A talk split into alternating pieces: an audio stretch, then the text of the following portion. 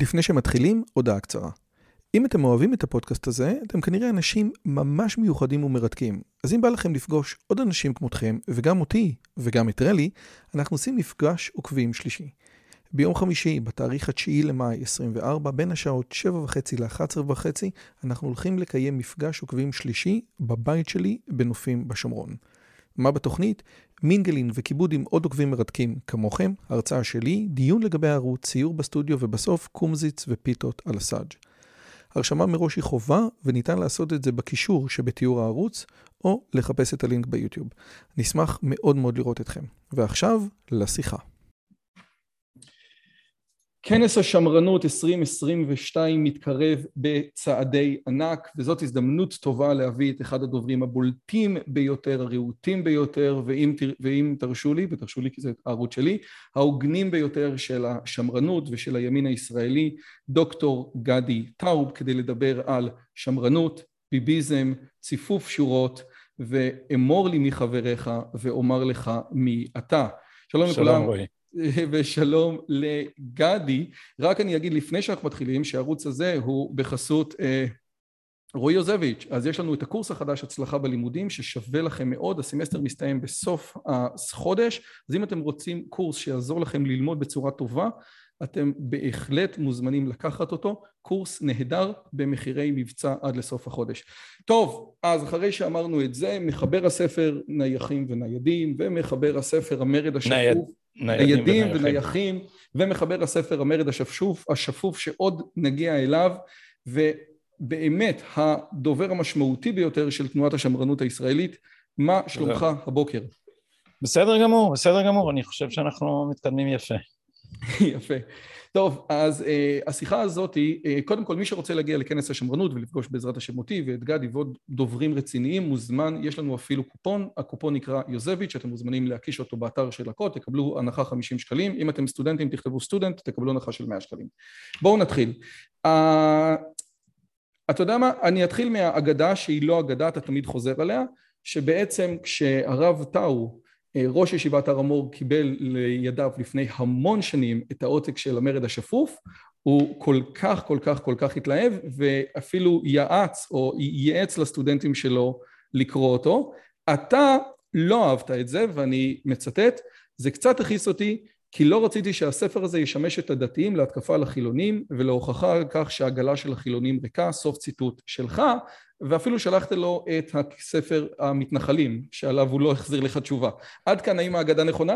כן, כן, פחות או יותר, הוא אפילו קרא לספר על פי השמועה האיגרת לדור, שזו מחמאה ענקית, אה, כך אמרו לי באמת, המליץ לתלמידיו, זה אפילו understatement, וכנ"ל עכשיו עם ניידים ונייחים, אני שומע שהוא אה, מצטט מן הספר וממליץ עליו לתלמידיו, ואתה יודע שם כשהרב טאו ממליץ קוראים, אז הדבר היחיד שיש לי להוסיף על זה שמעולם לא דיברתי עם האיש, הוא מעולם לא הציע להיפגש, הוא לא זה, אני פעם אחת רמזתי לחלק מתלמידיו שאני אשמח לבוא להר המור, לשוחח עם תלמידים, אמרו לי, זה לא.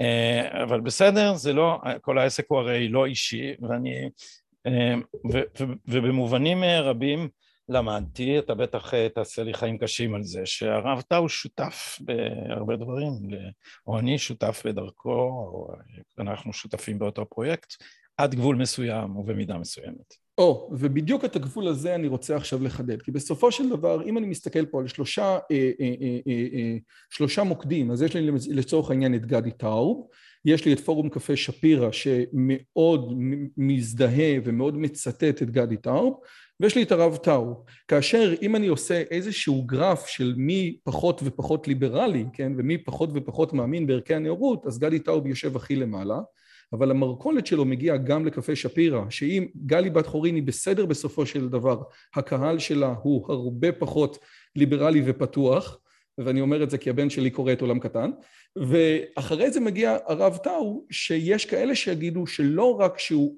אנטי פרוגרסיבי, כן, אלא ערכי המערב ככלל זה לא קודש לרגליו. אז קודם כל, האם אתה מקבל את זה שאתה נמצא במקום אחר מבחינת מה שאתה תופס כחשיבות של ערכי הנאורות מקפה שפירא והרב טאו, ואיך זה יכול להיות שהקהל, ואם כן, איך זה יכול להיות שמה שאתה אומר מהדהד כל כך אצל האנשים האלה?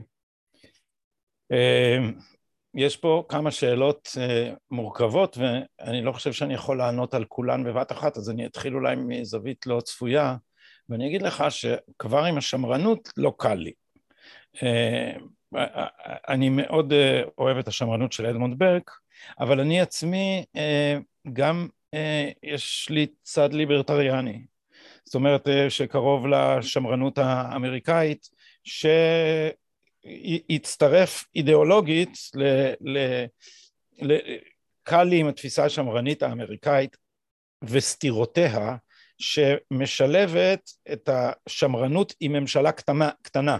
ולכן קל לה להתחבר גם עם הליברטריאנים שאומרים עזבו פשוט עזבו אותנו. עכשיו גם אני, אני לא חושב שהשבתי בכלל את הסתירה אצלי עוד לפני שהגעתי לרב טאו מפני שאני חווה אותה במתח בין האופי שלי לדעות שלי נגיד ככה ש, ש, שגורם לי להבין לליבם של אלה הכמהים לקיום ליברטריאני ו, וגם אולי ההוגה, לא יודע, הכי חשוב לי, אבל אחד החשובים לי ביותר הוא אמיל דורקהיים, שהדבר הכי חשוב שהוא, שאמיל דורקהיים אומר, זה שהאדם לא מסוגל להשתלט על דחפיו.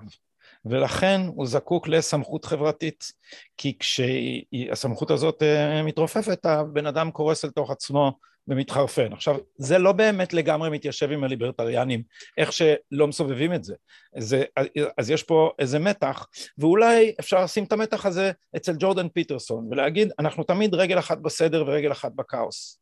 ולכן אנחנו תמיד זקוקים לחברה שתחזיק ותחבק אותנו, ואנחנו זקוקים גם לחופש ממנה.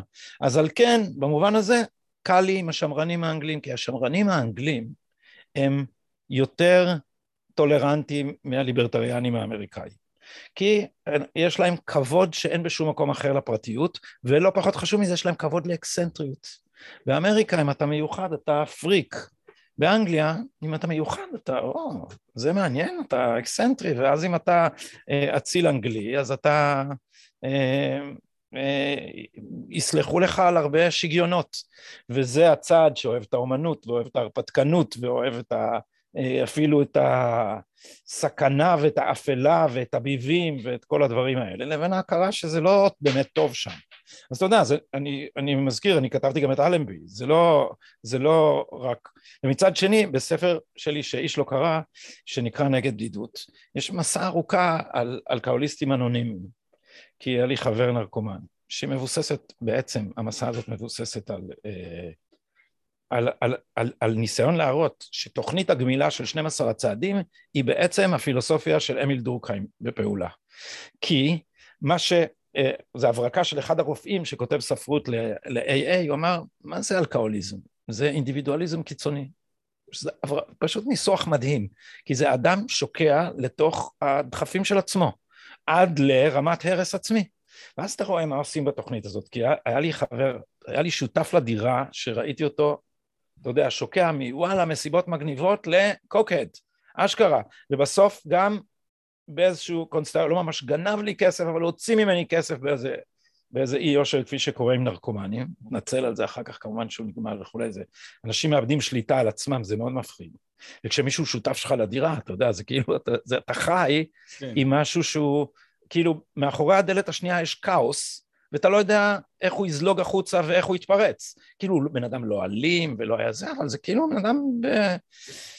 ו, ואז מעודדים אותך באלכוהוליק אנונימוס, הקוקן אנונימוס במקרה הזה, מעודדים את הנגמל להביא חברים ומשפחה. התחלתי לבוא איתו קצת לפגישות, שזה חוויה מהממת.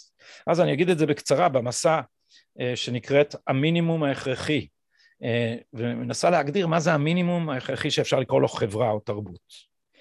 ואז הניתוח אומר כך, דבר ראשון אתה מודה שאין לך שליטה עצמית. אני, אין לי יכולת לפתור את זה לבד, אני זקוק לחברה שתפתור לי את זה. ואז לתוך, אתה נכנס לתוך מנגנון שבו יוצרים לך קודם כל קשר אישי עם ספונסר, אז זה כמו חברות או הורות, וזה גם חלק מהגמילה של הספונסר, שהוא עכשיו אחראי על מישהו אחר, והוא לא יכול להרשות לעצמו ליפול, כי הוא תומך במישהו. אז אתה מבין, מחזירים אותך להיות בן אדם חברתי, יוצרים לך קשר אישי, אחר כך יוצרים לך קבוצה סולידרית, ואחר כך, כפי שאומר אמיל דורקהיים, בעצם הנורמות שהחברה מסוגלת אה, להשית עלינו, אה, לגרום למשטר את התנהגותנו, כלומר שתהיה להם סמכות עלינו, מעוגנת, הסמכות הזאת מעוגנת בסולידריות עם הקבוצה. לנורמות אין משמעות מחוץ לקבוצה שמאמינה בהם. ואז כשאתה עושה משהו שהקבוצה לא אוהבת, אתה נאלץ להתבייש. וזה הכוח שיכול להבריא אותך. אז זה, אני, אני מאמין בזה מאוד, שאנחנו כולנו זקוקים לחברה. מצד שני, אם החברה ממשטרת אותך עד כלות, אז אנחנו בטוטליטריות, ואז היא לא מנחמת אותך, היא מועכת אותך. אז צריך גם את תחום הפרט, אלה הסתירות. אוקיי, וקודם כל זה סיפור יפה ומרגש, אבל אני רוצה באמת, אתה בעצם אומר, אוקיי, תקשיב, הרעיון של מה שאני מדבר וה, והכיוונים האלה והמתח הזה שבין הפרט ובין החברה, זה מתח שקיים גם בתפיסה שלי, ובסופו של דבר חלק, מה, חלק מהקהל שלי הוא לקח את זה למקומות שאני לא הייתי לוקח את זה. זאת אומרת, הרי ברור לך לגמרי שתפיסת הר המור, כן, ואפילו הקהל של קפה שפירא, הם לוקחים צד אחד מתוך המשוואה הזאת לכיוון שאתה לא שמה, או שאתה אפילו מתנגד אליו באיזשהו מקום כליברל, כנאור, ווטאבר, נכון? אבל, אבל אני... תראה, אתה, בכל ספקטרום שמשרטטים אז אתה שונה ממי שלא איתך באותה נקודה על הספקטרום אבל כשעושים זום אאוט לדבר הזה אז כרגע אני וקפה שפירא והרב טאו אנחנו בקואליציה נגד השמדת המדינה היהודית. אנחנו בקואליציה נגד הפרוגרסיבים שרוצים טוטליטריות שרוצים משטור עד אה, אה, עד זה שיתערבו לך אפילו בהורות. אז הסכנה שהיא אה, הסכנה הפוסט מודרנית הפוסט ציונית הפוסט לאומית הפוסט האנטי משפחתית הפמיניזם הרדיקלי כל הדברים האלה הספקטרום הזה שבין מרב מיכאלי ליאיר לפיד זה, זה, זה סכנה ממשית לקיומו של המפעל הציוני זה אנשים שאינם מבינים את מה שהם בעצמם אומרים וכדי לבלום את הסכנה, זו סכנה וכפי שניסיתי לומר בנעדים ונייחים זה לא רק פה, יש פה, יש אליטה פוסט לאומית בכל, ה, אה, בכל המערב והיא מאוד מאוד אלימה והיא אנטי דמוקרטית והיא גם אנטי ליברלית אז קודם כל אם אתה רוצה להתחיל להבין את עמדתי אני שמרן במובן הזה שאני רוצה להגן על הליברליות. לכן אני כל הזמן אומר אדמונד ברק, כי אדמונד ברק תמך במהפכה באמריקה. למה הוא תמך במהפכה באמריקה והוא לא תמך במהפכה הצרפתית? מפני שאדמונד ברק תמך במסורת הליברלית. ואני רוצה, אה, כמו ידידי אה, פיטר ברקוביץ', שניסח מסמך על הנושא הזה ב State Department בתקופה שהיה אה, ממשל טראמפ, אני רוצה מסורת, אני רוצה ליברליזם מעוגן במסורת, לא בטוטליטריות של הנאורות הצרפתית. אז אם אני בעצם לוקח את מה שאתה אומר שלב אחד קדימה, אז אני אעשה את זה בשני שלבים את השאלה. בסופו של דבר, האויב שבו אני עכשיו מת... אה, נלחם הוא אויב כזה גדול, כמו שהר סגור פעם אמר לי, אם החתול והכלב כורתים ברית זה נגד הטבח, ובגלל שככה אני עושה את זה עם, אה, גם נניח עם גלי, אבל בעיקר נניח עם הר המור, שיש בינינו חילוקי דעות שאני חושב שהם חילוקי דעות מהותיים, אתה יודע, בסופו של דבר אתה בן אדם חילוני, כן, כאילו, נכון. לא רק חילוני, חילוני כתפיסה, השיחה שלך עם משה פייגלין, אתה יודע, הבהירה שזה זה לא חילוני מתנצל של כן, אבל אני כן עושה קידוש, כן? הוא הייתי אומר אפילו חילוני מהותי, אבל בסופו של דבר ההבדלים האלה על הספקטרום יותר משמעות או יותר קטנים מהבדלים שיש לי אל מול הצד השני. ולכן הטקטיקה, אולי אני אגיד כאן בכוונה טקטיקה ולא אסטרטגיה, היא טקטיקה נכונה. שווה לי בצורה אידיאולוגית בעצם לשלב כוחות איתם, מכיוון שהאלטרנטיבה היא גרועה הרבה יותר. זה שלב א', את זה אנחנו מקבלים? אני מקבל, אבל תכניס לתוך המשוואה הזאת שאני גם הייתי רוצה להשפיע עליהם ולשנות את דעתם. או, יפה.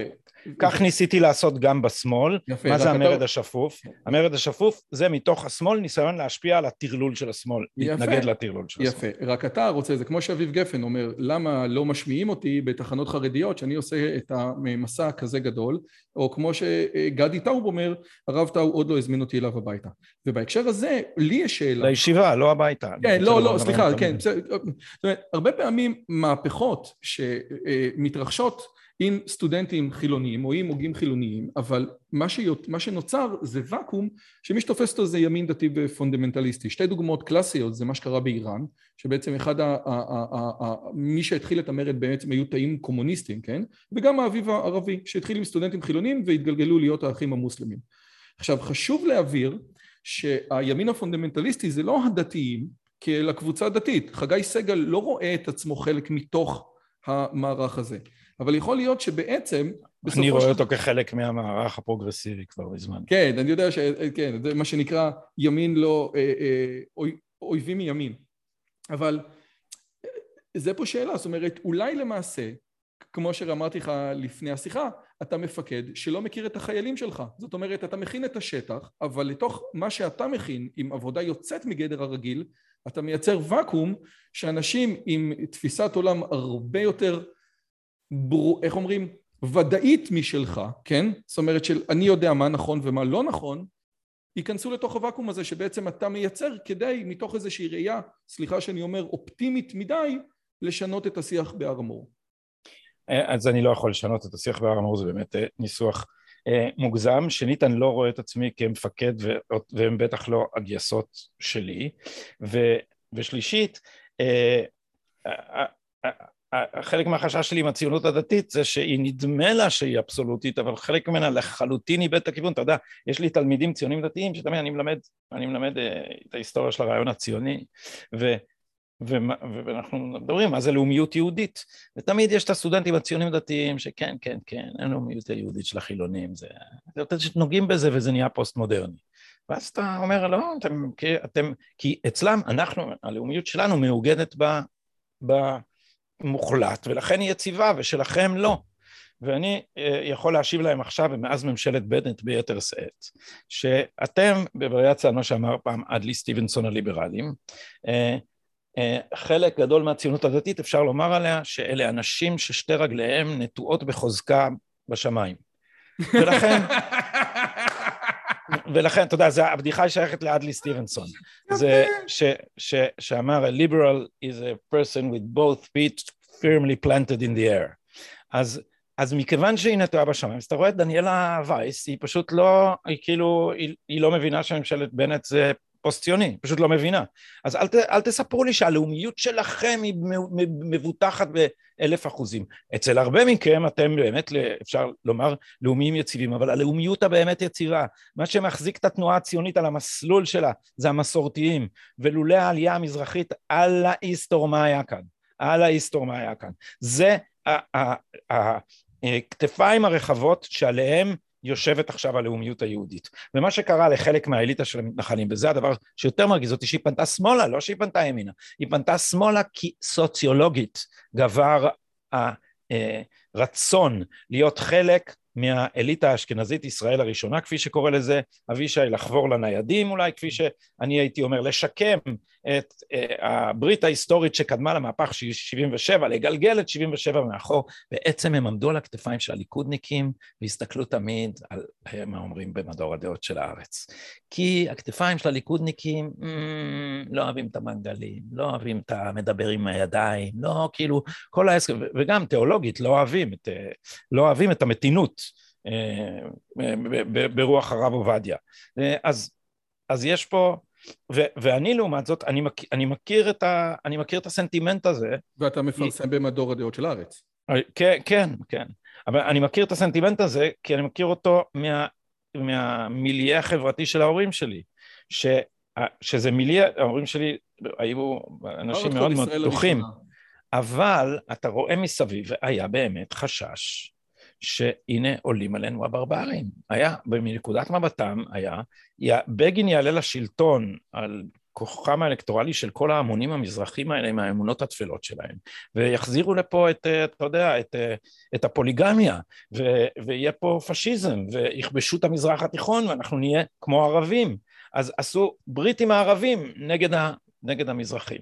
ואז התברר לאט לאט, התברר לאט לאט, שקודם כל, וזה, פה יש לי ויכוח גדול עם אבישי, שהמזרחים פניהם היו לא להתבודדות במפלגות הדתיות, אלא הם באמת ציונים. אז היו פה חיכוכים, אני לא רוצה לצייר את זה עכשיו בצורה הכי הרומנטית, כאילו רק המזרחים תמיד צדקו ורק האשכנזים, ורק ישראל הראשונה תמיד דיכאה, אבל היה פה בסופו של דבר הפחד שהקבוצה הזאת לא תהיה ציונית, אלא תהיה פונדמנטליסטית או לא יודע מה, התבדה. הפחד הזה התבדה, והיום זו הקבוצה שמחזיקה על עצמה את הלאומיות היהודית ואת הדמוקרטיה. את הדמוקרטיה והאליטה הישראלית, וזו ההבחנה החשובה ביותר בספרו. אני רק התחלתי את הספר, אני לא יכול להגיד שום דבר אה, נוסף למה שאני כבר יודע על אבישי. אז זה ספר חשוב ביותר כבר מהחמישים עמודים הראשונים, מפני שהוא צודק בהבחנה המרכזית, וזה שישראל הראשונה, או הניידים לשיטתי, מבקשת לחסן את עצמה מפני הדמוקרטיה, כי היא מבינה שהיא מיעוט, והיא מיעוט פוסט-לאומי, במידה גוברת פוסט-יהודי, ומי שמחזיק את הלאומיות היהודית. זה לא במקרה עדות המזרח, כי כשאתה מסתכל על אני, כשאני אומר לסטודנטים, אני מלמד על הציונות, ובעיקר אני מלמד מה, אתה יודע, הציונות צמחה מתוך ההשכלה באירופה, אין מה להגיד פה. אבל אז היא פגשה את עדות המזרח, ואז אני אומר לסטודנטים, אני משתמש בביטוי קצת פרובוקטיבי, אני אומר לה, הם פגשו את המזרחים, והמזרחים הם ציונים טבעיים. טבעיים זה מילה קצת מטה, כי זה לא בדיוק מהטבע, mm. אבל הם טבעיים במובן זה שהציונות שלהם, הלאומיות היהודית שלהם, מעולם לא עמדה אפילו במתח עם ההלכה.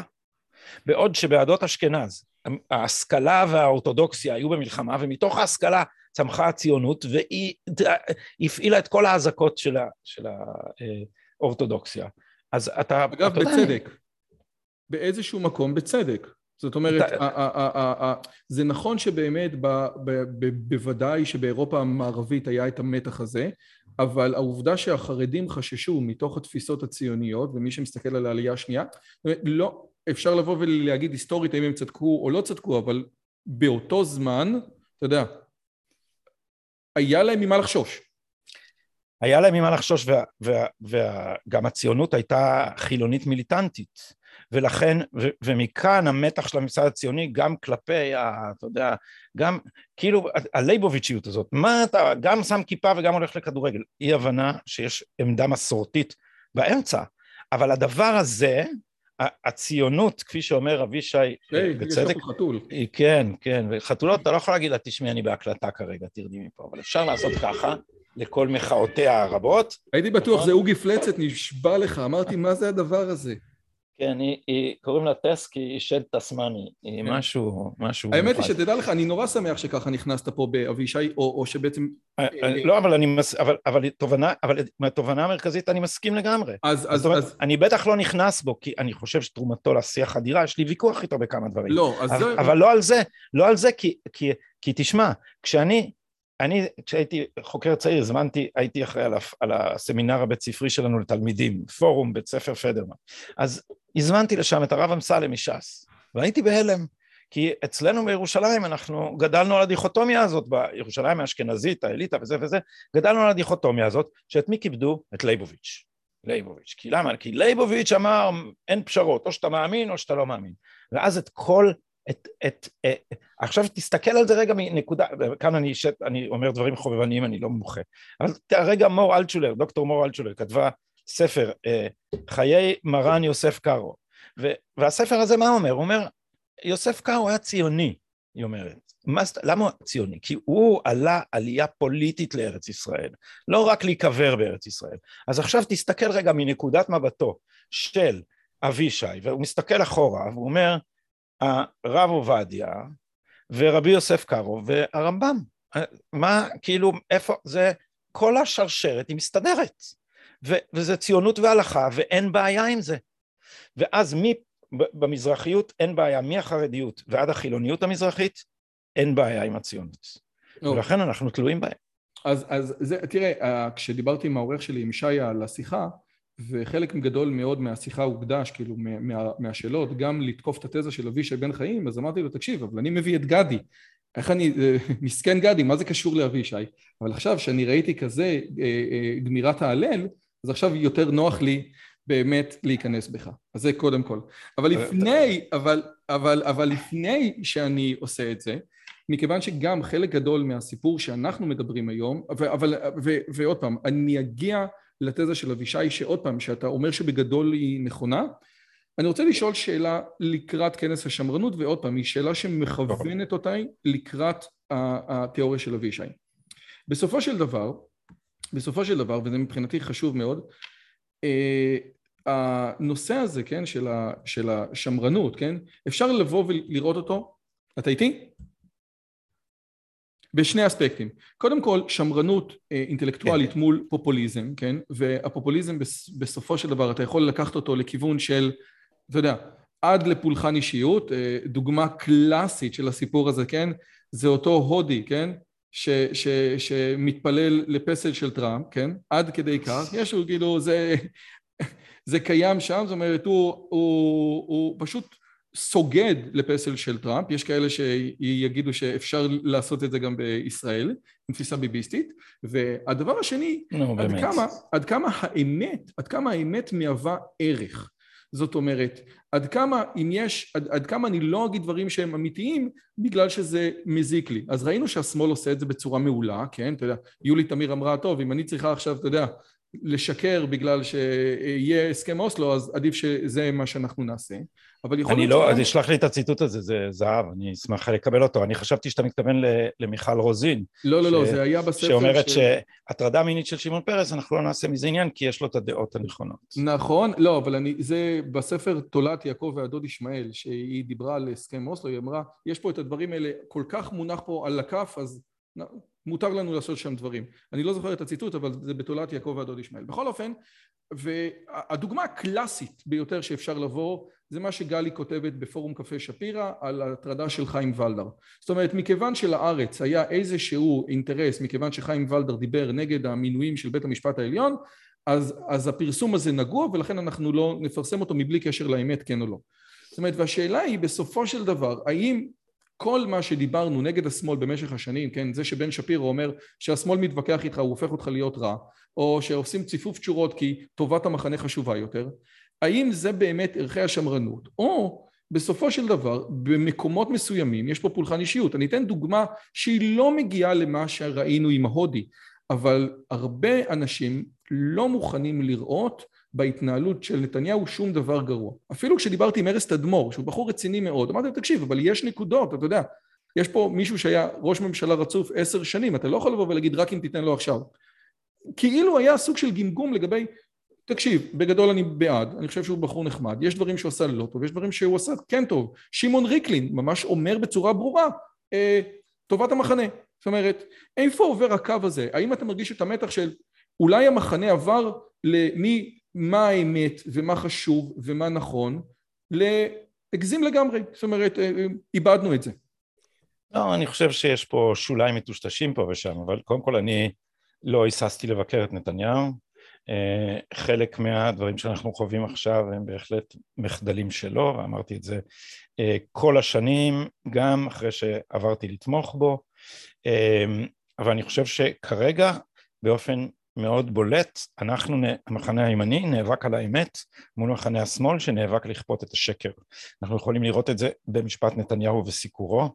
אה, תיק 4000 הוא פשוט בלוף, זה פשוט בלוף, זה לא שזה לא תזה מספיק חזקה, זה פשוט שקר ענקי שמתוחזק על ידי התקשורת, ראינו שקר מקביל אצל טראמפ עם אגדת השת"פ הרוסי, שעכשיו, אחרי שאמרו לנו קונספירטורים וכל זה, עכשיו מתברר שהכל נכון, דורהם מוציא, כי אנחנו ידענו שהכל נכון, זה היה ממוסמך שהכל נכון, אבל אתה לא יכול לעמוד מול מכונת הנרטיב ו- ושישמעו אותך, אבל יש דורהם ויש צוות ההגנה של נתניהו.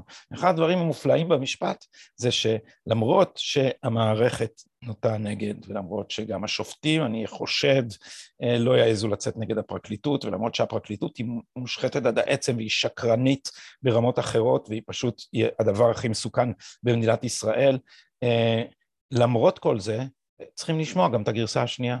והגנה גם לא מופיעה בפרוטוקול. אז אפשר לראות פשוט שאנחנו נלחמים על האמת והם נלחמים על השקר. זה לא ככה שזה הדדי. עכשיו אני, אתה יודע, אני כתבתי על זה כמה מאמרים לאחרונה בהארץ. אני ראיינתי לאחרונה לכבוד כנס השמרנות את, את השגריר דוד פרידמן, איש אה, מבריק, ו, ו, והוא אמר לי, We can't fix American politics if we don't fix the press. אנחנו לא נוכל לתקן את הפוליטיקה באמריקה אם לא נפתור את בעיית העיתונות, ובעיתונות הוא התכוון למדיה, כולל, כולל הרשתות החברתיות. והדוגמה לזה, וכתבתי על כך שני מאמרים, לא על עט, שומעיך, אני רק אפנה אותם לאתר gadiטאוב.com, אה, שבו תוכלו לעשות חיפוש ולמצוא את המאמרים על הנטר ביידן. אתם לא צריכים, אנחנו נשים לכם את זה בתיאור סרטון. אחלה. אל תתאמצו, אל תתאמצו. אנשים, אתה יודע, אומרים ביוטיוב, כל קליק עולה לך, אחוז מהאנשים עושה קליק. עזוב, אל תתאמצו, פה, למטה. קצת. אז, אז uh, אני אתן לך את הלינק לגרסאות הפתוחות, זה מאמרים בהארץ, שיש paywall. אבל uh, שם ניסיתי להגיד, תשמעו, הדבר הזה הגיע לשיא בבחירות 2020 באמריקה, כאשר שלושה שבועות לפני הבחירות נחשף המחשב הנייד של האנטר ביידן, והממסד, יוצאי ה deep state של אובמה, בראשם ג'ון ברנן וג'יימס קלאפר, אנשי המודיעין של אובמה, יחד עם העיתונות והרשתות החברתיות, פעלו למחוק את הסיפור הזה מהאג'נדה, כולל זה שבטוויטר סגרו את החשבון לעיתון הרביעי בתפוצתו באמריקה על חשיפת הסיפור, שבינתיים התברר שכולו אמת. וגם אז היה אפשר לברר שכולו אמת. וכל העיתונות כאן, זוכר, הוויכוח שלי התחיל עם אורן נהרי, שאמר לי, זו דיסאינפורמציה רוסית. דיסאינפורמציה רוסית, כי זה הגרסה שיוצאי המודיעין של אובמה אמרו על מחשב של האנטר ביידן שנמצא, שלא היה בידיהם. עכשיו, מה זה השטות הזאת? מצאו שם, לא זוכר כמה עשרות אלפי אימיילים. לאימיילים יש עוד קצה. אפשר לבדוק את זה. טאקר קרלסון בדק את זה, הוא הביא עדויות שהאימיילים האלה נמצאים גם בצד השני. יש שם עדויות לזה, לשחיתות עמוקה של ג'ו ביידן, של ג'ו ביידן, ואף אחד לא ידע את זה לפני הבחירות, כי המדיה כולה התגייסה להשתיק את זה. זה מה שאני אומר, השמאל נאבק על השקר, ואנחנו נאבקים על האמת. אז אני רוצה לשאול השמאל... אותך בהקשר כן. הזה, כי אני מסכים איתך לגבי... אבל אני רוצה להגיד עוד מילה אחת, כי... כי אין כי, את זה אצלנו? כי כופים את זה, כופים את זה שטראמפ הוא שקרן. אמר פעם אנדרו מקארתי, אחד הכותבים המעניינים ב-National Review, הוא אמר על השקרים של טראמפ, הוא אמר, טראמפ יורק רסס לכיוון הכללי של האמת. שזה נכון, זה ככה השקרים של טראמפ. לעומת זאת, אובמה הונה הונאה שיטתית את הציבור שלו עם הסכם הגרעין האיראני. זה אובמה הוא רמאי הרבה יותר גדול והרבה יותר מסוכן. אני לא מדבר, ג'ו ביידן הוא שקרן מהסוג הכי דפוק ואידיוטי. אתה שומע את הסיפורים שלו, הסיפורי הבדים שלו, על איך הוא ניסה לחלץ את נלסון מנדלו, אני לא זוכר, זה לא בדיוק הסיפור. אבל כל מיני, כל מיני סיפורים חסרי שחר, הוא נתפס בהם אלף פעם, אבל המדיה הפכה אותו לצדיק, וגמרנו. אז אני, אבל שוב, לגבי כל מה שאתה אומר, אני מסכים במאה אחוז. אני שואל מכיוון שעם כל הכבוד לתפוח הגדול, אנחנו נמצאים בישראל. האם מבחינתך, התפוז הקטן, כאלה, כן, האם מבחינתך התופעות כאלה שקורות בצד הימיני של המפה הפוליטית, שוב, והדוגמה של אה, גלי עם חיים ולדר היא, היא דוגמה אחת, אבל אפשר לתת עוד. היא לפי דעתך שוליים, כן או לא? זה הכל. לפי דעתי שוליים, ולפי דעתי זה שמדביקים את זה על נתניהו, זה פשוט, זה, זה, זה הסיבה לזה ש... קודם כל, אני מאלה שחושבים שאסור בשום פנים ואופן להחליף או לנטוש את נתניהו. אסור בשום פנים ואופן. וזה בכלל לא מסיבות שקשורות לא לאישיות ולא לפולחן ולא לכת ולא...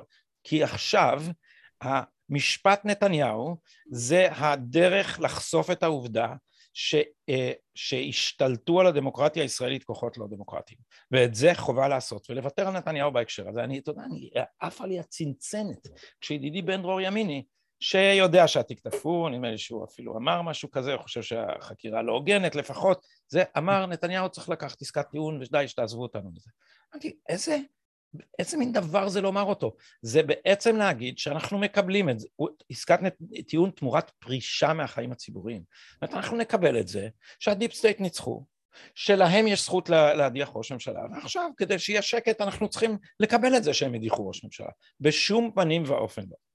אוקיי, אבל שוב, אז אתה אומר, אני, וגם על זה אני מסכים איתך, ואני גם אה, אה, אה, עובר על הדברים של כנרת בראשי, וכל התיק הזה הוא מטורף. העובדה שעד, עד מדינה הופך להיות תוך שתי דקות עד עוין, הכל נכון, הכל, הכל, הכל נכון, אבל אני אומר שוב, וגם העובדה הזאת שבסופו של דבר הרבה אנשים אומרים שנתניהו ירד או שנתניהו הוא הגורם שבעצם אה, אה, לא מאפשר ממשלת ימין על, על מלא, שברמה מסוימת זה נכון, כן, זאת אומרת, אבל העובדה שאם אתה מוריד אותו אז נתת פה ניצחון שהוא כל כך מהותי לכל המהלך הזה, אגב, מה שאומר שלפי דעתי היכולת של השופטים להוציא אותו נקי היא, היא אפס. זאת אומרת, כל כך הרבה מונח פה על הכף שאני לא מקנא בהם, כן? זאת אומרת, אני לא רואה באיזה קונסטלציה הם יוכלו לעשות את זה, כי זה באמת באמת באמת יהרוס פה את הכל.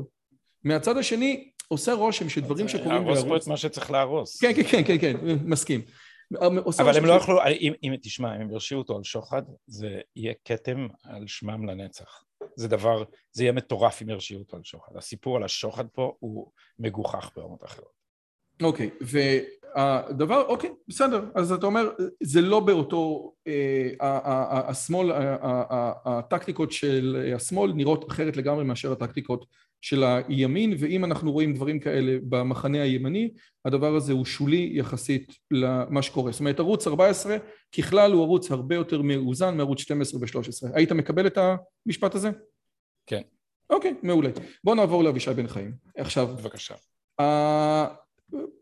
בסופו של דבר, אני אגיד דברים קשים, ויש כמה תיאוריות. יש את התיאוריה של הניידים מול הנייחים, כאשר אתה רואה בציונות הדתית נייחים מבחירה. כן? זה לא אני, זה משפט שלך. יש את התיאוריה של ישראל הראשונה מול ישראל השנייה, יש תיאוריה שאני אוהב, שהיא לא שלי, של דניס פרגר, הווינרים והלוזרים, כן? הוא אומר, אתה יכול להסתכל מי נגד ישראל ומי אוהב את ישראל, כן? אנשים שעובדים קשה הם הווינרים, הם אוהבים את ישראל, הם בצד של ישראל, וכל האלה שלא עשו שום דבר בחיים שלהם ורק בוכים כל הזמן, הם הלוזרים. עכשיו, אני לפני ש... עכשיו, יש חפיפה מאוד גדולה בין הווינרים לניידים לישראל הראשונה, אבל יש חפיפה מאוד גדולה סוציולוגית, או ברמת המוצא אתני, ירחם השם, בין הניידים ובין הנייחים, ובין הניידים והנייחים וישראל הראשונה וישראל הש... השנייה, עד כדי שיש אנשים שמתבלבלים בין התיאוריות האלה. עכשיו, לפני שאני נכנס ב... איך אומרים?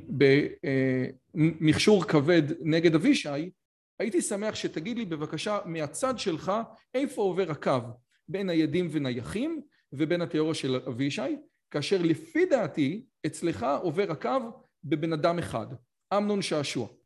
אמנון שעשוע היא, היא דוגמה שלתיאוריה של גדי אין בעיה להכיל, הוא נייד, הוא משכיל, הוא רציני, הוא סטארט-אפ, הוא יכול להיות בכל העולם, יש לו גם אלמנטים ציוניים, אבל לך אין בעיה להכניס אותו בתוך התיאוריה שלך, מכיוון שהתיאוריה שלך לא בודקת בן אדם לפי כמה פיגמנטים יש לו בצבע העור, בעוד שאצל אבישי בן אדם כמו אמנון שעשוע שהוא לא מזרחי מקופח, כן? הוא לא משה כחלון, הוא לא אתי קרייף, יושב כמו עצם בגרון, כן? איפה הוא שייך? איך זה, איך זה יכול להיות? אז אתה, איפה עובר הקו אצלך שאתה אומר, פה אני לא מסכים עם אבישי? אז קודם כל, אבישי גם הוא אומר שזה לא, הקו האתני הוא לא הקריטריון היחיד, הבלעדי, ויש חריגות ממנו, כולל הסברים ארוכים על למה נתניהו מייצג את ישראל השנייה ונתניהו לא מרוקאי כידוע וגם בגין לא היה מרוקאי וכולי.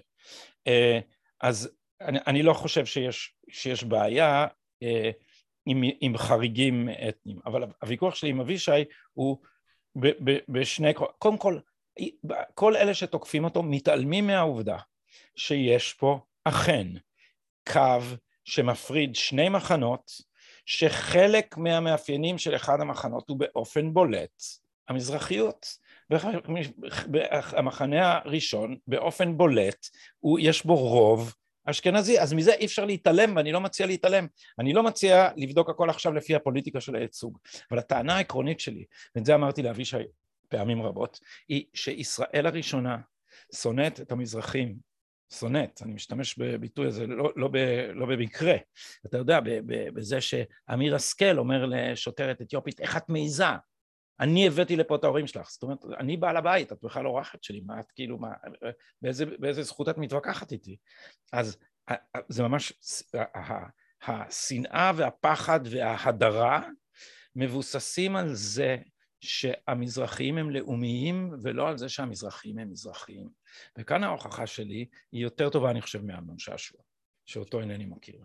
והיא מזרחית... אמנון שעשוע, סליחה, כפרוטוט, כאילו כסטריאוטיפ, אני לא מכיר אותו אישית, אבל כאילו כן. עיראקי שהגיע לרמות הגבוהות ביותר שהעולם יכול להציע. כן, אז הדוגמה שלי היא דווקא מזרחים שאימצו אידיאולוגיה פוסט-ציונית. ואז מחבקים לא רק אותם, אלא גם את מזרחיותם. את בוזגלו למשל? אל תשכח, אל תשכח שהאליטה הזאת ממש מתה על פוסט ציונים מזרחיים מסוג גם של סמי שטרית, של יהודה שנהב, של הקשת המזרחית, את כל אלה מחבקים, למה? כי הם אנטי ציונים. אז את זה, את המזרחיות הזאת הם רוצים. ולכן אני אומר, הקו האמיתי, הדבר שאותו ישראל הראשונה מבקשת לדכאת הוא הלאומיות והדמוקרטיה, וזה והא תליא, כיוון שהרוב הוא לאומי, כדי לנטרל את הלאומיות צריך לבטל את הדמוקרטיה, וכאן אבישי מתאר מצוין את איך גלגולי האידיאולוגיה של ישראל החדשה תמיד התאימו את עצמם לדבר הזה, שצריך להדיר את ההמונים המסוכנים. עכשיו אני כל הזמן אומר ברמת הסיסמה, האליטה הזאת, הגזענות שלה מתבטאת בזה שהיא מתארת את הגזענות שלה כמלחמה בגזענות. למה אנחנו שונאים את המזרחים? כי הם גזענים, כי הם פשיסטים, כי הם זה. אז אתה קורא את הרוגל אה, אלפרים למיניהם, שזה זה, זה המהדורה ללא פוטנוטס של זאב שטרנל, הרי זה לא בהרבה יותר מתוחכם. אז בעצם יש שם שנאה רושפת ללאומיות בשם אה, אה, ערכים אינדיבידואליים אוניברסליים ו... הם בעצם היו רוצים את החזון הגלובליסטי והם הוגי הדעות שלהם זה בעצם יובל נוח הררי. יובל נוח הררי בתור, בתור אתה יודע שם גנרי פה לסוג מסוים של הגות זה ההגות הפרוגרסיבית בשיא שטיחותה. למה בשיא שטיחותה? כי היא בכלל לא מתמודדת עם הדברים שמאתגרים אותה. היא מתארת עתיד שבו הכל יהיה ירוק והכל יהיה ריאות ירוקות לערים ויהיו מכבסות אוטומטיות ומכוניות רובוטיות וזה וזה. ולא שואלים איך תהיה אזרחות איך ייראה שלטון, אין שלטון, יש רק בירוקרטים. הכל בסדר. האליטה, היא תדאג לכם, מה אתם צריכים? אתם צריכים חלב? תקבלו חלב. אתם צריכים כביסה? תקבלו כביסה. בתנאי שאתם לא תתערבו בשום החלטה שנוגעת לקיום המשותף. אז, אז, אז, אז זה הדבר, שישראל הראשונה, ותשמע, אנחנו מכירים את זה, מהן ההנחות של התנועה הפרוג... הפרוגרס... מה זה מה זה התנועה הפרוגרסיבית בארצות הברית במקור? זה, זה, זה האליטה השמאלית בשנות העשרים. כן, ווילסון. כן, כן, כן, אבל לא רק ווילסון, אלא גם היובש.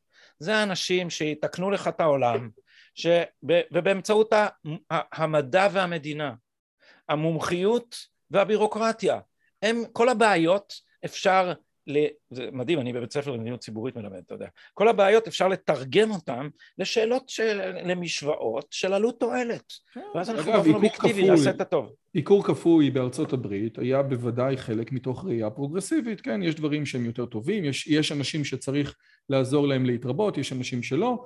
אנחנו, זה הייתה תפיסה פרוגרסיבית. ובשוודיה עד שנות ה-70, שוודיה, ארץ הפרוגרסיביות. שוודים רוצים לנהל לך את החיים לגמרי. ומצד שני, ומצד שני הפרוגרסיביות הוליכה לרב תרבותיות ולכן היא עכשיו אוכלת את זנבה. ושוודיה עולה בלהבות להזכירך מרוב פרוגרסיביות. אז אני, אבל שנייה, אז הנקודת, כשאתה אומר את זה, אתה אומר שמבחינתך הנקודה המרכזית שבו אתה רואה את, את האמת בצורה טובה יותר או את המחלוקת זה שישראל הראשונה לא אוהבת את הישראל השנייה לא בגלל שהיא מזרחית אלא בגלל שהיא לאומית וזה, וזאת distinction שאבישי לא עושה עכשיו אני אגיד לך את נקודת, אני לא יודע אם יהיה לנו זמן לדבר על זה, אבל אני לפחות אשים את זה על השולחן. נקודת המחלוקת השנייה שלי עם אבישי, שהפוליטיקה של הזהות היא המכשיר של האליטה. האליטה הזאת, היא בצדק, מבחינתה בצדק תמכה ב, ב, ב, ב, בקשת המזרחית ותמכה ברב תרבותיות כי היא רוצה לפרק את האידיאולוגיה הלאומית. אבישי ו... לא עושה פוליטיקה של זהויות? כן, לכן אני מתווכח איתו, אבל הוא חושב שאפשר להפוך את זה ולהשתמש בזה כדי לחזק את הלאומיות. עכשיו, גם היסטורית, אם מסתכלים על זה, אני, אתה יודע, מה זה הפוליטיקה של הזהות? יצא ספר מדהים של אה, מייק גונזלס, שנקרא The, The Plot to Change America. הרב תרבותיות, למה היא מתנגדת? למשותף.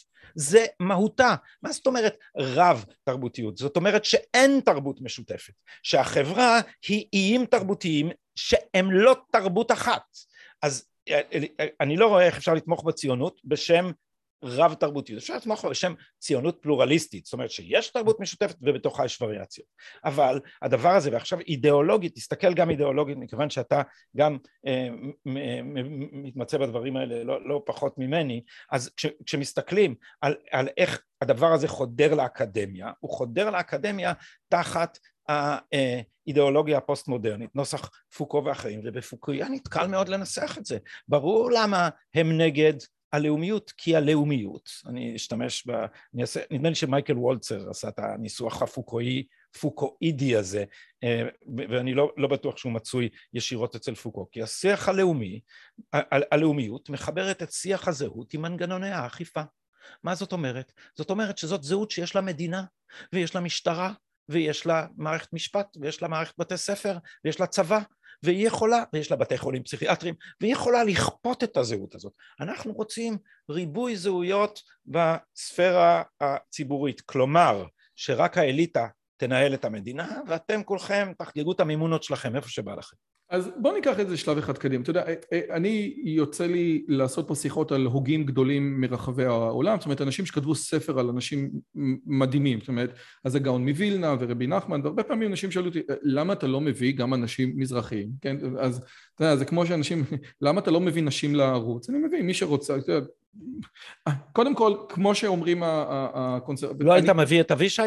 אבישי זה לא מישהו שראוי להתווכח איתו? אני הייתי מביא את אבישי, אבישי לא רוצה להגיע. אה, אבל אני גם מביא נשים, אבל פשוט אני משתדל שלא לספור כמה אה, גברים הבאתי וגם אנשים הבאתי וכמה מזרחים הבאתי וכמה לא, אבל אמרתי בסופו של דבר, ואולי יש פה משהו שהוא לא נעים, אם אנחנו מסתכלים על האליטה, אנחנו רוצים חברה שמנוהלת על ידי אליטות.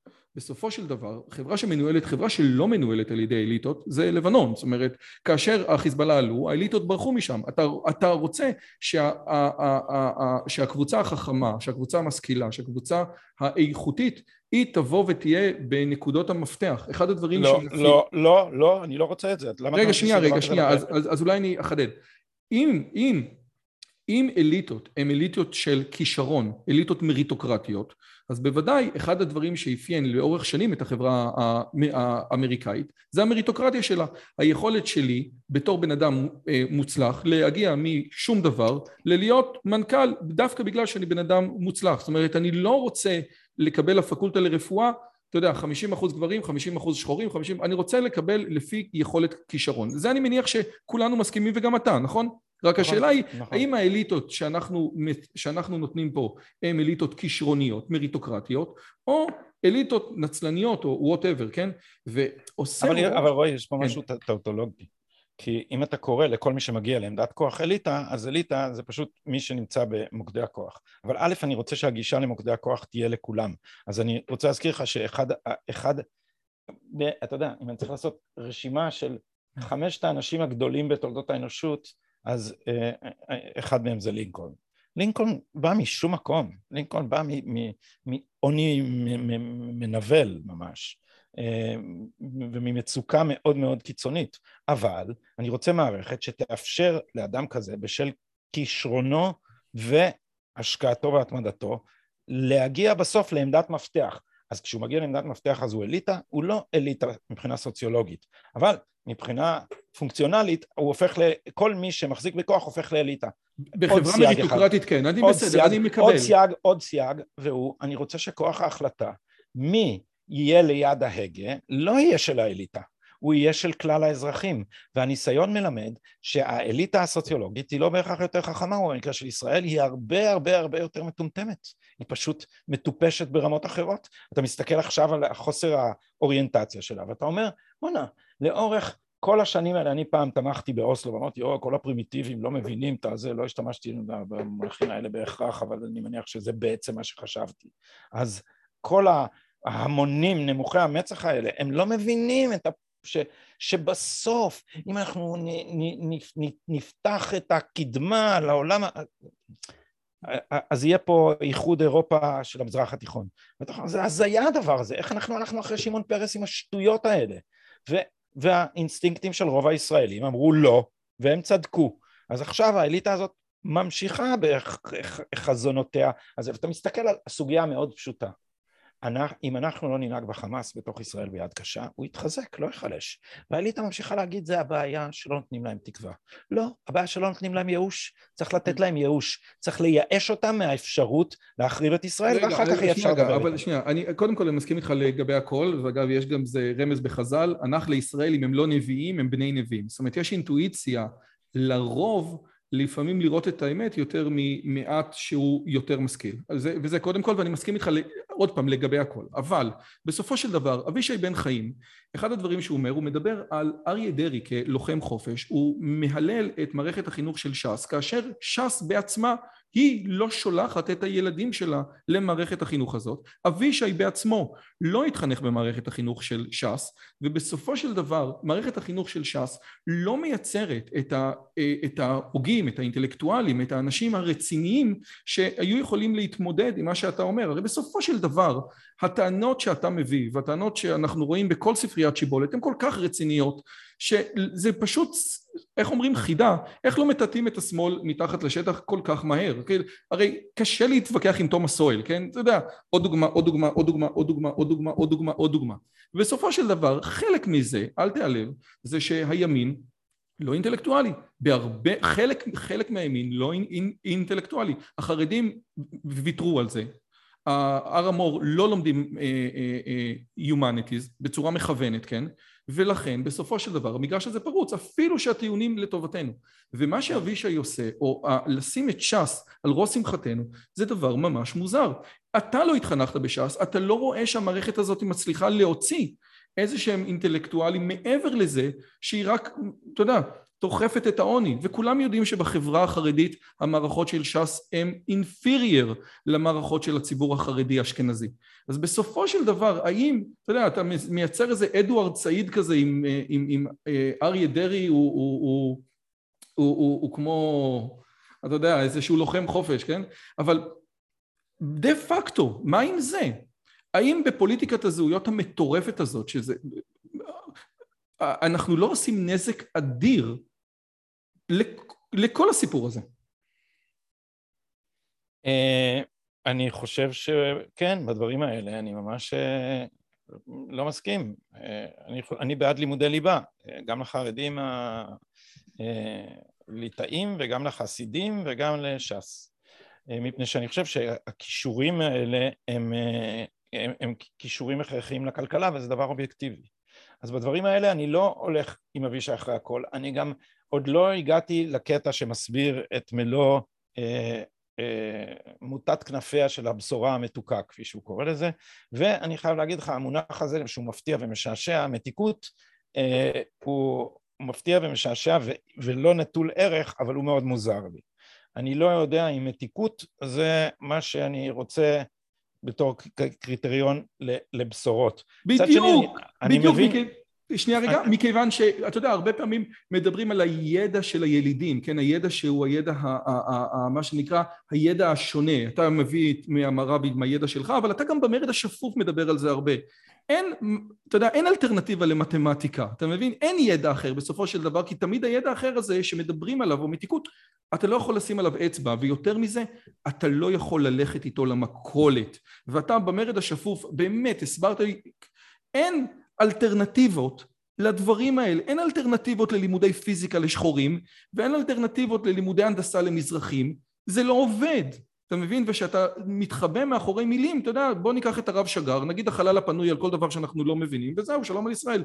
זה בעיה, יש פה בעיה אמיתית שמהרומנטיקה הזאתי אתה לוקח קבוצה שלמה של אוכלוסייה ששוב, לא עשית לה שום דבר טוב. איך לא הוצאת מש"ס? הרב עובדיה לא התחנך במערכת החינוך של ש"ס. כן, על זה, אה, אה, פה אני אה, על פניו מסכים איתך, אני לא, כאמור לא הגעתי לקטע הזה בספר של אבישי והתייחסתי כאן קצת רק למושג המתיקות שאני עוד צריך להסביר אותו, אבל שהיה לי קשה מכל מיני בחינות, א', מפני שהאוכל של המימונה הוא מתוק לי מדי, בג', בגלל שאני, בגלל שאני עכשיו לא, בדיאטה בלי פחמימות וסוכרים, אני לצערי מתייחס בחשדנות לבשורה המתוקה עד שיוכח שיש בה אה, אחוזים מספיק גבוהים של חלבון. ושאלה אחרונה שאני רוצה לשאול אותך, אה, העורך של הערוץ שיה, אחד הדברים שהוא, אה, אחד הדברים... איך זה שיש לך עורך רועי? אני, לי אין עורך בערוץ. אולי אני גם צריך. אתה צריך לדבר עם תמיר דורטל. לתמיר דורטל, תקשיב טוב, יש מאה מתנדבים. אתה שומע מה אני אומר לך?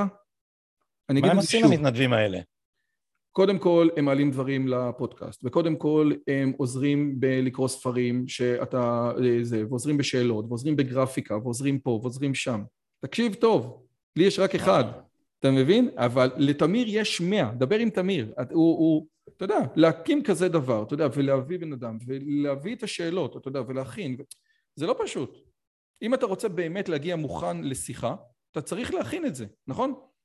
כן, אבל אני בינתיים יש לי רק אותי, אז אני... אז, אבל, אבל, אבל זה בין היתר בגלל שאף אחד לא ידע שאתה צריך עזרה. יכול להיות. אתה אני, מבין? אני אשקול את זה. בינתיים מה שאני מנסה לעשות בערוץ שלי זה חסויות. אה, נו, בסדר, יש לך זה. אנחנו, אז, אז אני מוכר את uh, עצמי, כן? אז בשבח האליטות כישרון המשתפת בהנהגת ש"ס ובג"ץ שתי אליטות נצלניות.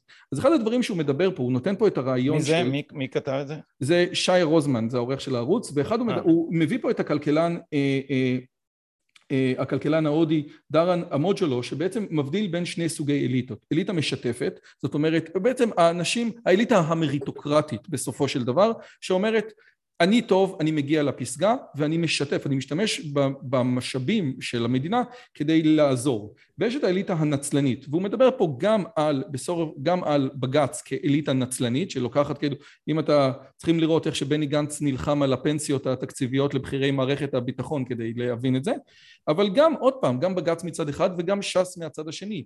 זאת אומרת, לא משתמשת בכוח שלה כדי לעזור ולטפל. ואחד הדברים, הוא אומר, תראה, יש פה אתה יודע, אה, מדבקת אה, בד"ץ, כן, או, או, או מס, אה, מס טיפשות של בד"ץ, ויותר מזה, הוא מדבר על חבר הכנסת וקנין שיש לו לולי תרנגולים והוא פועל להעלאת מחירי העוף בישראל. זאת אומרת, יש פה, בסופו של דבר, אולי אנחנו כן צריכים לא לפחד מהמושג אליטות ולבוא ולהגיד חברים אנחנו רוצים את הטובים הציונות הדתית תמיד רצתה לראות את עצמה בתור אליטה ובעצם חלק גדול מהעבודה של אבישי בן חיים זה לעשות סטיגמה מאוד רעה למונח אליטה, כאשר אליטה בסופו של דבר, אולי זה דבר טוב. איפה אתה, איפה אתה אומר, אתה יודע מה? בוא נגדיר את הדברים אחרת, אבל האליטה זה דבר שהוא מבורך מאוד. אה, אז כפי שאמרתי, אני... אה, אה, אם יש הגדרה טאוטולוגית של אליטה, זה בסוף יש אנשים שמגיעים לעמדות בחירות ואנחנו נקרא למי שנמצא בעמדות בחירות אליטה אז, אז, אז יש אליטה. אז במובן הזה אכן תהיה אליטה ואני בעד שמי שמגיע לאליטה יהיה הכי איכותי שיש. אבל אני לא, רוצה שהגדרה, אני לא רוצה הגדרה סוציולוגית שאומרת מאיפה מותר להיכנס לשורות האנשים האלה ואני לא רוצה שכוח ההכרעה יהיה בידי האליטה הזאת. אני את זה לא רוצה, אז... אני, כי, אני, כי אני דמוקרט ואני רוצה שכוח ההכרעה יהיה בידי, יהיה בידי הציבור אוקיי, זה... אז, בוא, אז בוא נשאל שאלה על אוניברסיטת העברית, מערכת לתואר ראשון שנקראת PPE או פק"ם, זאת בעצם אחד, בוודאי שהאליטה הבריטית שאתה נורא אוהב, או, סליחה, שאתה אוהב את הפוליטיקה הבריטית, האליטה הבריטית לא מעט ממנה יצאו מאותה תוכנית, שמה שהאוניברסיטה העברית קראה לה פק"ם, או פוליטיקה, ממשל ופילוסופיה, או פוליטיקה, אה, כלכלה, כן? זאת אומרת, הנה, יש לי בעצם את המסלולי, כן? מה שנקרא את הטריניטי קולג', יש לנו מסלולי אליטות שאנחנו רוצים לפתוח אותם לכולם, אבל בסופו של דבר זה לאו דווקא טאוטולוגיה, אתה יודע, יש את המקומות שבהם אתה נמצא, ואולי גלי צה"ל הייתה פעם אליטה כזאת, כן? אבל מקומות אחרים, שאם אני פותח אותם לכולם, אולי, כן? זאת אומרת, אתה צריך לעבור הכשרה מסוימת כדי להיות אליטה. כן. אה, אבל את, את, את, האליטה הזאת היא מריטוקרטית במובן זה שכל אחד יכול להיכנס אליה ויכול להצליח. עכשיו אנחנו יודעים שגם כדי שתהיה אה, באמת, אה, כדי שיהיה באמת שוויון הזדמנויות, זה לא מספיק רק להגיד אוקיי כולם יכולים לגשת למבחן, גם את זה אנחנו יודעים. אז, אז אני, אני לא מתכחש לזה שבסוף מי שמבצעים את הדברים, בסוף אני רוצה שמי שיושב על כיסא ראש הממשלה יהיה מאוד מאוד מוכשר זה מה שאני רוצה, אבל זה, זה לא קביעה על הרקע שלו. זה לא אומר שאני רוצה שהוא יבוא ממשפחות האצולה. זה אומר שאני רוצה שתהיה אה, תחרות גדולה ככל האפשר ופתוחה ככל האפשר. ואז המונח אליטה בעצם לא שימושי פה בתוך הדיון הזה, כי כפי שאמרתי הוא נהיה טאוטולוגי. ואז בעצם אנחנו חוזרים לזה שאולי המקור, אולי הנקודה המרכזית שאנחנו מדברים וכנראה אתה ואני מסכימים אליו, זה אם אתה קורא את הפוליטאה של אפלטון, אז אתה אומר הנה, כזה אני לא, לא רוצה. כזה... אם אני קורא את uh, השופט בחברה דמוקרטית של אהרן ברק, שזאת אותו דבר, אז גם את זה אני לא רוצה, אותו דבר לא באיכות, וזה אותו דבר בהשקפה, את זה אני לא רוצה, וזה מה שהאליטה הישראלית מנסה לעשות, ו- ואתה צודק בהבחנה שלך, שזה לא אליטה משרתת, זה אליטה מתנכרת, זה אליטה שמבססת את זהותה על הגועל שלה מהישראליות. או, בסדר. ומהיהדות. טוב, וואו, זה היה שיחה מהממת, ושוב, שווה מאוד לקרוא, אני רוצה לחזור שוב, שווה מאוד לקרוא את ניידים מול נייחים, שזה אני קראתי, את ישראל השנייה אני עוד לא יצא לי לקרוא, אבל אם אבישי יבוא לפה, אני אשמח מאוד לדבר איתו על הספר. באמת תיאוריה שהופכת להיות, אתה יודע, כנראה איזשהו סטנדרט שיילמד בשנים הקרובות ב... ב...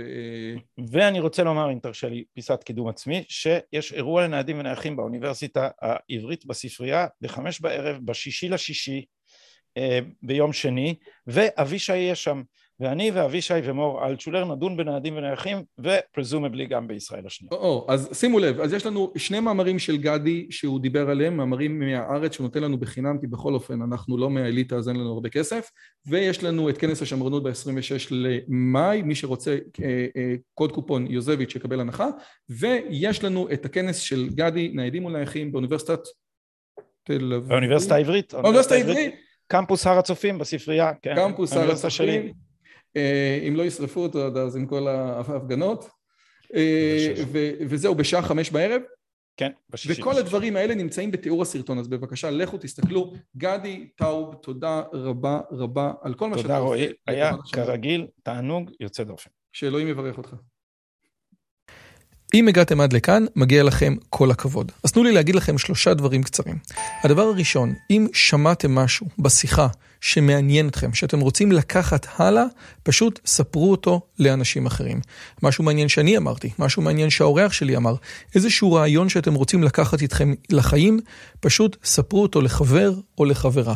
זאת הדרך הטובה ביותר לזכור את הרעיונות מתוך השיחות האלה. הדבר השני, אם אתם רוצים לקחת חלק בקהילה שלנו ולפגוש ולדבר עם אנשים כמוכם, אתם מוזמנים לערוץ הטלגרם שלנו, שווה לכם מאוד. פשוט תראו עוד אנשים שמתעניינים מדברים מגניבים בדיוק כמוכם.